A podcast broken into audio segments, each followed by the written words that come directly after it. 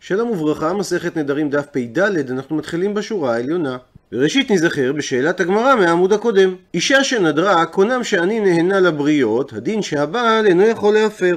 זאת אומרת שהנדר הוא לא נדר עינוי נפש, כנראה בגלל שהבעל לא בנדר הזה. ובלשון הגמרא, שבעל לאו בכלל בריות הוא. אבל ממשיכה המשנה ואומרת, ויכולה היא ליהנות בלקט שכחה ופאה. ומההיתר שהיא יכולה לאכול מתנות עניים, משמע לכאורה שהיא לא יכולה ליהנות מהבעל, מה שאומר שבעל בכלל בריות הוא. הביא על כך הגמרא שלוש תשובות, נזכיר את התשובה האחרונה, רב נחמן אמר שאכן מותר לה ליהנות מהבעל, כי בעל לאו בכלל בריות הוא. והמשנה הרחיבה את הדין שבמידה והיא נתגרשה, אז הוא כבר כן בכלל הבריות כלפי האישה, והיא לא יכולה ליהנות ממנו, ולכן היא נחשבת כעני, והיא יכולה ליהנות מלקט שכחה ופאה. אי טבעי מקשה רבא לרב נחמן, לשיטתך ובעל לאו בכלל בריות הוא? והאתנן, והרי המשנה בדף צדיק אומרת, שאישה שנדרה כלפי בעלה נטולה עני מן היהודים, זאת אומרת שהיא אסרה על עצמה הנאה מכל היהודים באשר הם, הדין שיפר הבעל חלקו ותהא משמשתו. אבל לכשתתגרש היא תהיה אסורה להינשא מפני שהנדר הוא נדר שבינו לבינה והבעל מפר רק את חלקו אבל כלפי אחרים היא הרי אמרה הוא תהא נטולה מן היהודים. עד לכאן לשון המשנה ונקרא לפי גרסת הראש וכן הגרסה הראשונה המובאת ברן והיא אמרת שבעל לאו בכלל בריות הוא ולכן כשהיא אמרה נטולה אני מן היהודים הבעל לא היה בכלל הנדר אז אם כך חלקו עמי צריך להפר שהרי היא לא אסרה עצמה עליו, ומי שאינו בכלל הבריות הוא גם לא בכלל היהודים. אז הרי היא לא אסרה עצמה עליו. מתרץ רב נחמן, לפי הגאות הבא, לעולם, בעל לא נכלל בכלל הנדר שלה, הוא לא נקרא בריות. אבל שאני הכה, שונה כאן הדין באופן ספציפי, דמוכיחא מילתא דעל היתרא כאסרה נפשה. מוכח הדבר שכאשר היא אמרה נטולה אני מן היהודים, היא ודאי התכוונה לאסור עצמה על הבעל. שהרי כאשת איש רק כלפיו היא מותרת, ולשאר העולם היא אסורה, וממילא היא לא צריכה לנדור כלפיהם שהיא אסורה עליהם. ולכן מסביר רב נחמן שהמשנה בדף צדיק היא יוצאת דופן, שלמרות שמלשון הנדר הוא לא היה אמור לחול על הבעל, מוכח מההקשר הכללי שהיא התכוונה להכיל את הנדר דווקא על בעלה. ציטוט מהמשנה יכולה ליהנות בלקט שכחה ופאה. ונזכר במושגי היסוד של הפרשת תרומות ומעשרות. תרומה גדולה, מפרישים מיבולים שגדלו בכל ששת השנים, היא נאכלת רק על ידי הכהנים ובני משפחותיהם בטהרה, ואסור לבזותה או להשחיתה. מדאורייתא מספיק להפריש כלשהו, וחכמים נתנו בדבר שיעור, אחד מארבעים זה עין יפה, אחד מחמישים זה עין בינונית, ואחד משישים זה עין רעה. בימינו מפרישים כלשהו ולא נותנים, כי הכהנים בימינו טמאים ואסור להם לאכול ממנה, יש שקוברים אותה באדמה ויש שעוטפים אותה בשתי שקיות ומניחים בפח. מעשה ראשון, מפרישים מיבולים שגדלו בכל ששת השנים, ומותר באכילה בהסכמת הלוויים לכל אדם, גם אם הוא טמא. בימינו מפרישים עשירית על ידי קריאת השם, ואם חיוב ההפרשה הוא ודאי, כגון שהתבואה גדלה בחצר פרטית, יש לתת מעשה ראשון ללוי. אם חיוב ההפרשה אינו ודאי, כגון שהוא נקנה בשווקים מסוימים, אין חובה לתת מעשה ראשון ללוי. תרומת מעשר מפרישים מיבולים שגדלו בכל ששת השנים, היא נאכלת רק על ידי הכהנים ובני משפחותיהם כשהם טהורים, ואסור לבזותה ולהשחיתה. כמות ההפרשה של תרומת המעשר היא עשירית ממעשר ראשון, כלומר מאית מהיבול שנשאר לאחר הפרשת התרומה הגדולה. בימינו מפרישים מאית ולא נותנים, כמו בתרומה גדולה, כי הכהנים בימינו טמאים, אסור להם לאכול ממנה, יש שקוברים אותה באדמה ויש שעוטפים אותה בשתי שקיות ומניחים בפח. מעשר עני מפרישים מיבולים שגדלו בשנה השלישית והשישית מתוך מחזור השמיטה. מותר באכילה בהסכמת העני לכל אדם גם אם הוא טמא. בימינו מפרישים תשע מאיות על ידי קריאת שם. אם חיוב ההפרשה הוא ודאי, כגון שגדל בחצר פרטית, יש לתת את מעשר העני לעני. אם חיוב ההפרשה אינו ודאי, כגון שנקנה בשווקים מסוימים, אין חובה לתת את מעשר העני לעני. מעשר שני מפרישים מיבולים שגדלו בשנים הראשונה, השנייה, הרביעית והחמישית מתוך מחזור השמיטה, זה נאכל בטהרה בירושלים כשבית המקדש היה קיים. בימינו מפרישים תשע מאיות על ידי קריאת שם, פודים את המעשר שני על פרוטה במטבע המיוחדת והמיועדת לכך, ולאחר הפדיון מותר לאכול אותו כרגיל. הוא מדייק את הגמרא, ולא קטני, ולא כתוב במשנה שהאישה זכאית ובמעשר עני. מקשה הגמרא, והתניא בברייתא, הרי שנינו בתוספתא, ובמעשר עני. שהאישה כן זכאית בו, אז אם כך יש לכאורה סתירה בין המשנה שלנו לבין התוספתא. עונה על כך אמר רב יוסף, לא קשיא. אין סתירה, מפני שמדובר על דעות שונות. רבי אליעזר, התוספתא היא שיטת רבי אליעזר, הא, והמשנה שלנו היא שיטת רבנן דתנן, שכך שנינו במשנה במסכת דמאי. רבי אליעזר אומר, אין אדם צריך לקרות שם על מעשר עני של דמאי. הפכנו דף, וחכמים אומרים שהוא קורא שם ואין צריך להפריש. דמאי הם תבואה או פירות שנלקחו מעם הארץ, שאין ודאות שאכן הופרשו מהם תרומות ומעשרות. הלכות דמאי נידונו במסכת דמאי שהוקדשה כולה לנושא זה. על פי תקנת חז"ל, הלוקח גידולי קרקע מעם הארץ, חייב לאסר אותם מחמת הספק. תקנת דמאי מיוחסת בתלמוד ליוחנן כהן גדול שחי בתקופת בית המקדש השני וכך כתב הרמב"ם בהלכות זרעים. בימי יוחנן כהן גדול שהיה אחר שמעון הצדיק שלחו בית דין הגדול ובדקו בכל גבול ישראל ומצאו שהכל זהירים בתרומה גדולה ומפרישים אותה. אבל מעשר ראשון ומעשר שני או מעשר עני היו עמי הארץ מישראל מקילים על עצמם ולא היו מפרישים אותם. לפיכך גזרו שלא יהא נאמן עם הארץ על המעשרות אלא אנשים נאמנים כשרים, אבל עמי הארץ פירותיהם ספק, ואינם נאמנים לומר מאוסרים הם, וזהו הנקרא דמאי. מבחינה לשונית המשמעות היא זה מה. הוא מסביר הר"ן בתחתית עמוד א', הלוקח מעם הארץ צריך לאסר ולתרום תרומת מעשר ונותנה לכהן.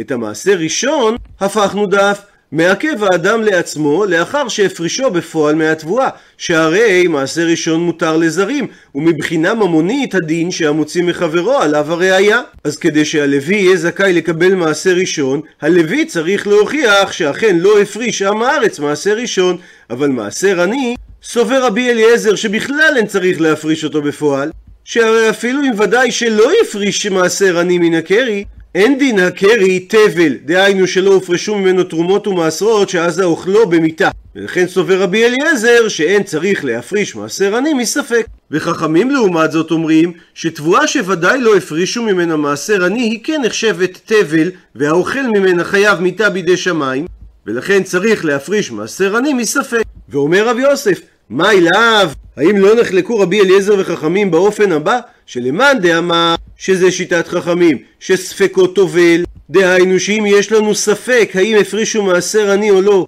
אז התבואה נחשבת כדמאי, או במילים אחרות ספקו טובל, והדעה הזאת כסבר סוברת שאית לי טובת הנאה, שהרי אם האדם מחויב להפריש מעשר עני, יש בידו את הזכות לתת את המעשר הזה לאיזה עני שהוא ירצה, באותו אופן שהוא יכול להחליט לאיזה כהן ולוי לתת את התרומה ואת המעשר הראשון. וכיוון דאית לי, וכיוון שלשיטת חכמים יש לו טובת הנאה, לכן האישה לא מהניה. האישה לא יכולה לקבל מעשר עני, כי אז יוצא שהיא נהנית, וזה בניגוד לנדר שלה. ומצד שני, ולמאן דאמר שזה רבי אליעזר, שאמר שאינו קורא שם של מעשר עני על תבואת דמאי, זה מפני שכסבה רבי אליעזר, שאפילו על תבואה שוודאי לא הפרישו מעשר עני ממנה, שהיא לא מוגדרת כתבל שיהיה האוכלה במיתה בידי שמיים. אז ודאי שספקו אינו טובל, וכל שספקו אינו טובל, לית לה טובת הנאה, מפני שרבי אליעזר סובר שטובת הנאה שייכת רק במציאות, שעל ידי ההפרשה התבואה הופכת מתבל לאינו תבל.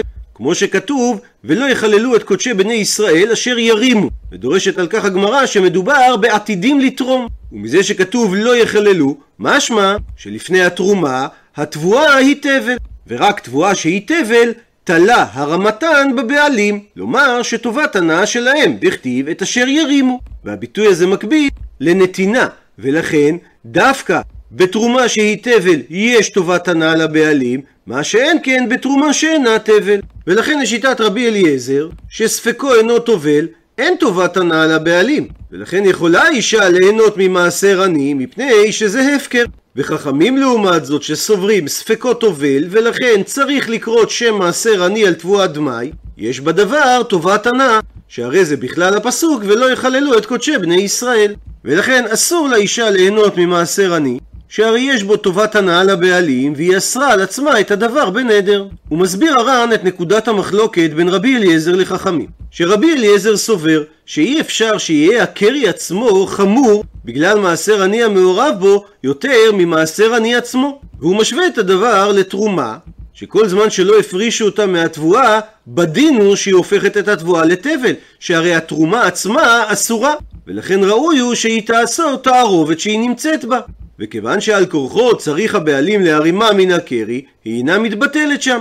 אבל מעשר עני, שהוא עצמו מותר לזרים, כיצד ייתכן שתערובת של תבואה עם מעשר עני תהיה חמורה ממעשר עני בעצמו? וחכמים לעומת זאת סוברים שתערובת מעשר עני הופכת את כל התבואה לתבל לפי דרשה מהפסוקים, כמו שדרשנו במסכת יבמות, יכול לא יהיה חייב אלא על תבל שלא הורם ממנו כל עיקר, אבל אם הורם ממנו תרומה גדולה ולא הורם ממנו מעשר ראשון, או מעשר ראשון הורם ממנו ולא מעשר שני, ואפילו אם מעשר עני לא הורם ממנו, מניין שבמצב הזה הוא תבל, תלמוד לומר לא תוכל לאכול בשעריך. ומשווים את זה לפסוק אחר שכתוב ואכלו בשעריך וסבר, ששם המשמעות היא מעשר עני, אז אף כאן מעשר עני. ואמר רחמנה שגם בתערובת כזאת שלא הרימו ממנה מעשר עני, הדין לא תאכל. ולכן לפי רבי אליעזר, לית לי טובת הנאה, וממילא ושרי לי להתנאוי, מותר לאישה לאכול מעשר עני. דוחה את הסברו של רבי יוסף אמר לאביי, ניתן להסביר דכולי עלמא, גם רבי אליעזר וגם חכמים סוברים שספקו טובל. או במילים אחרות שוודאי יש כאן טובת הנאה, ולכן המשנה שלא אמרה מעשר עני היא דברי הכל. והברייתא לעומת זאת שאמרה שהנודרת יכולה לאכול מעשר עני, היא לא מסתדרת לא לשיטת רבי אליעזר ולא לשיטת חכמים. ורבי אליעזר ורבנן באקא מפלגי, הם נחלקו בדבר הבא. רבי אליעזר סבר שלא נחשדו עמי הארץ על מעשר עני, שוודאי הם מפרישים אותו, שהרי הדבר לא גורם להם הפסד. כיוון דאילו מפקר נכסי ואהבי עני ושקל ליהו, לכן לית לי פסיידא. שעם הארץ הלך לרואה חשבון שלו ושאל אותו, איזה דברים אני יכול לכתוב על תעודת ההכשר שלא יגרמו לי הפסד? אמר לו הרואה חשבון, אתה יכול לכתוב שאתה מפריש מעשר עני, ואתה יכול להפריש אותו בפועל. כי אם אתה מפקיר את נכסיך, אתה עצמך עני, וממילא אתה זכאי לקבל חזרה את המעשר עני שהפרשת. כך שבשורה התחתונה זה לא גורם לך הפסד. ורבנן לעומת זאת סברי, שהרואה חשבון של עם הארץ לא ייתן לו עצה כזאת, מפני שנכסי לא מפקריניש. אדם לא יפקיר את נכסיו כדי להיות עני, דמירתת, שהרי הוא פוחד, דילמה זכי באוי נשחרינה. אולי בפרק הזמן שהוא יפקיר את הנכסים, מישהו אחר יזכה בהם. אילכך, ולכן לפי חכמים, נחשדו עמי הארץ שהם לא מפרישים מעשר עני. עד לכאן דברי אביי, וממילא חוזרת הסתירה בין המשנה ששם לא כתוב שהאישה יכולה לקחת מעשר עני, לבין הברייתא ששם כתוב שהאישה כן יכולה לקחת מעשר עני. מביאה על כך הגמרא תירוץ אחר. רבא אומר, כאן במשנה שלנו, שאמרה שלאישה אסור לקחת מעשר עני, מדובר במעשר עני המתחלק בתוך הבית. דכתיבה בלשון של נתינה. כמו שכתוב, נקרא בפנים, כי תכלה לעשר את כל מאסר תבואתך בשנה השלישית שנת המעשר, ונתת ללוי לגר ליתום ולאלמנה, ואכלו בשעריך ושבעו. הוא מסביר המפרש, שלאחר שהכניס הבעלים את תבואתו לאוצר ולא הפריש ממנה מעשר עני בגורן, או בגלל שהוא נאנס, או בגלל שלא מצא עניים לתת להם, על מקרה כזה אמר הפסוק, ונתת. שיש בדבר נתינה, וממילא יש פה טובת הנאה. בדיוק כמו נתינת התרומה לכהנים, שכתוב בנתינה, תיתנו תרומה לכהן. משום הכי, ולכן אסור לי לאישה להתענויי. שהרי יש פה טובת הנאה לבעלים, והיא עוברת על נדרה. לעומת זאת, כאן בפרייתא, שהתירה לאישה לקחת מעשר עני, מדובר במעשר עני המתחלק בתוך הגרנות, שכיוון דכתיב ב... נקרא בפנים, מקצה שלוש שנים תוציא את כל מאסר תבואתך בשנה ההיא והנחת בשעריך, ומשמעות הלשון והנחת בשעריך שאין לבעלים טובת הנאה, שהרי הוא מניח את התבואה וכל עני יכול לבוא ולקחת אותה. ולכן במצב כזה, שרי לי, מותר לאישה להתענויי. לקחת מעשר עני, שהרי היא לא עוברת על נדרה. הוא מביא הר"ן את לשון הספרי, שמקשה. מצד אחד כתוב, ונתת ללוי ליתום ולאלמנה, ומצד שני כתוב, והנחת בשעריך. הוא מסביר הספרי, כאן בימות החמה, כאן בימות הגשמים. הוא מביא הר"ן שתי אפשרויות לפרש את הספרי. פירוש ראשון, בימות החמה מניח הבעלים את התבואה בגורן ומשם העניים לוקחים אותה, וכשמגיעים ימות הגשמים הוא מכניס אותה לתוך ביתו ושם הוא מחלק את המעשר לעניים. ויש מפרשים שקודם כל בימות הגשמים מחלק האדם את התבואה בתוך ביתו, ואת הנותר ממנה בימות החמה שאחר ימות הגשמים הוא מניח בגורן ומשם העניים לוקחים אותה. עד לכאן דף פ"ד.